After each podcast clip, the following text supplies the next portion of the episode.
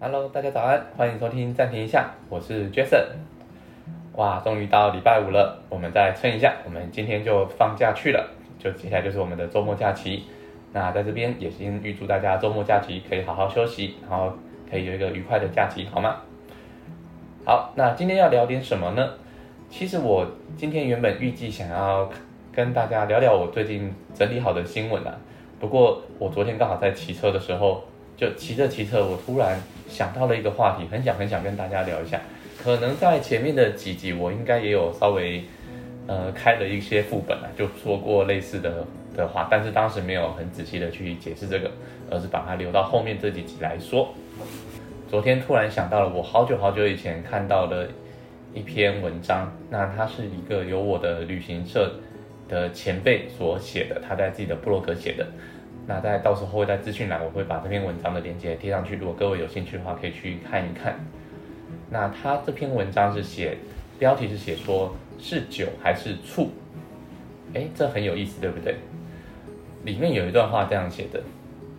当你的身体老化了以后，一个人的心究竟是酒还是醋，完全取决于自己。如果你的心告诉你七十岁了还能谈恋爱，很棒啊，那你就是酒。如果你的心告诉你，都七十岁的人了，还谈什么恋爱？你这个老不休，那你大概就是一桶醋。看到这一段话，我不知道各位有什么感觉，因为我先不把前提说出来，而是看到这样子的一段话，我觉得各位可以去思考一下，为什么几个关键字，首先是身体老化，那在我们的印象中就是啊，我年纪大了，然后看到七十岁，诶，好像真的是年纪大了。那为什么心会分成酒跟醋呢？就是用酒和醋来去比喻一个人慢慢慢慢变老的这个过程。我突然觉得，哎，虽然我没有看过这一本原著，可是因为在这位前辈这样子文章的的书写之下，看完了以后，我自己内心其实也有了一点感慨，就是说这样的比喻真的很棒。那我就自己去找了一下我的，就是我们的中文的国语字典，去看一下酒跟醋这两个字。各位想一下，这两个字有什么共同点？首先，酒跟醋，它们的部首不一样，但是它们里面都有藏有一个“有”这个字，对不对？但是酒的部首是水，那醋的部首是有，所以我就去查了一下这个“有”它的解释是什么。那查出来的结果跟我想的差不多，不过也有蛮多让我有觉得蛮有意思的发现。首先，这个“有”它的意思在象形文字里面。它其实是一种酒坛子的形状，它其实象形文字演变过来的，就像一个酒坛一样。OK，那再来它有什么意思？它的意思其实是我，我想各位应该都知道有所谓的天干地支嘛。那酉它就是在地支里面的第十个位置，所以酉其实也可以拿来算时间，就是我们的申酉戌亥，有所谓的酉时，对不对？那酉它就代表的是在农历的八月。哎，这很巧，农历八月刚好就是我们玉米熟成的时候，大概就落在国历的九月到十月这个时候。你看，在农历的八月，然后玉米熟成，在后面写说什么？可以酿酒。所以有这个字，它其实后续的衍生字很多都是从发酵或者是呃酵母制造成的食品有关。那这就很有意思了。你看，我们都知道我们的酒也是发酵时的一个饮料，那醋。也是一个发酵很非常非常，就是酒之后再继续发酵，比较酸、比较刺激性的味道就变成醋。所以用酒跟醋来引申为人生的一个过程，哎，相当的有意思。那我自己的解释又是什么？我自己的解释会觉得说，我们人在成长的过程，在慢慢慢慢越来越老的过程的时候，你会发现说，我们常常在。跟别人聊天，或者是我们常常在谈到一个我们这个时代去讲，哎，老人好像很很啰嗦，然后好像很喜欢用一些贬低你，或者是用一些刺激你、攻击你的这个方式来跟你做对话，是不是恰恰好就好像是一杯醋，就是你喝下去的第一个感觉是哇，怎么刺激性这么强，然后这么酸，这么让人家不舒服，这是不是好像就是我们对一般？老人也好，或者是我们讲长辈也好，很很有一个共同的印象。然后这个时候我们通常就会告诫自己说啊，我以后年纪大了，我老了不可以变这个样子。可是后来自己想一想，哎，会不会在这些前辈他们在年轻的时候的这个过程里面，他们其实也对着他们的上一辈、他们的前辈有这样子的感慨，可是最后最后他们还是在不知不觉间变成了一盆醋呢？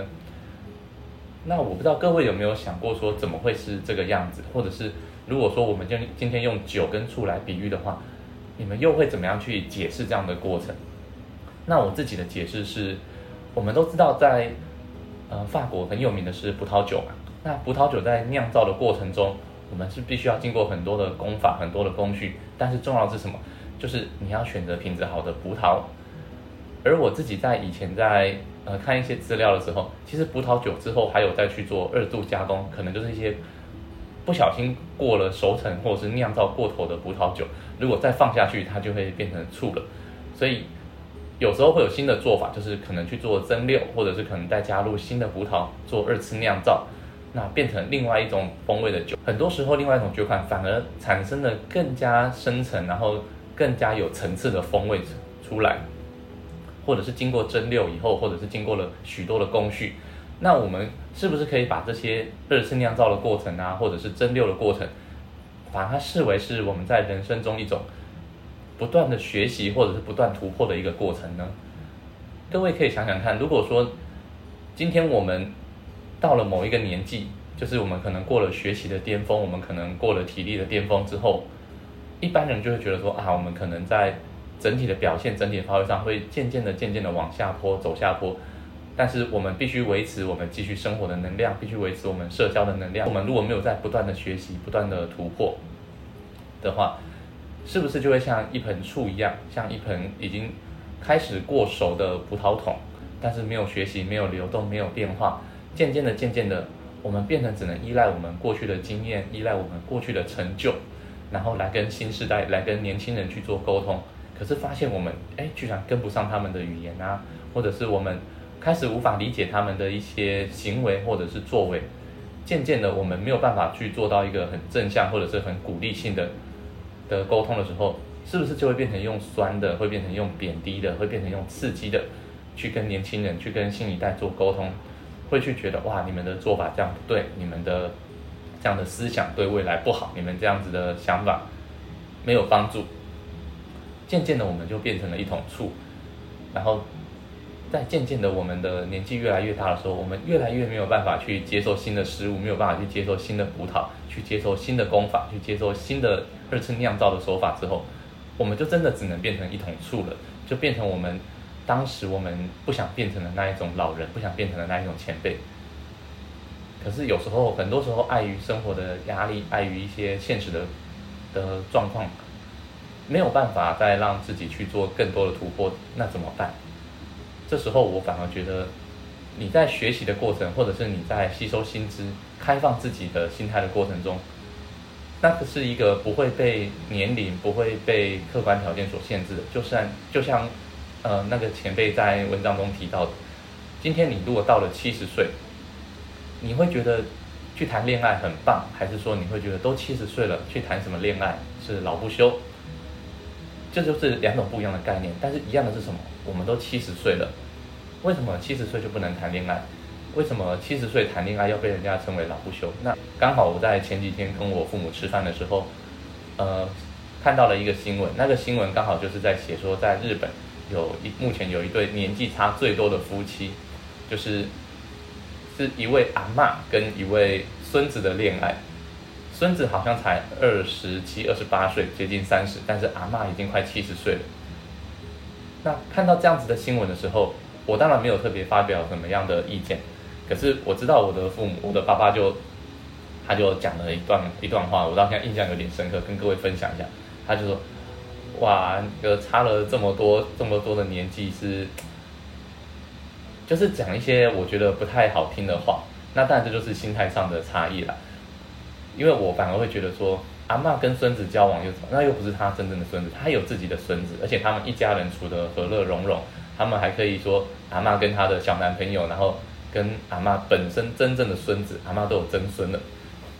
一起吃饭，一起开心的过活，那只要他们过得开心快乐，我们为什么旁人要去帮他们加注更多的注解？说哇，那个小鲜肉就是贪图财产什么的。后来想想，这样也不合理呀，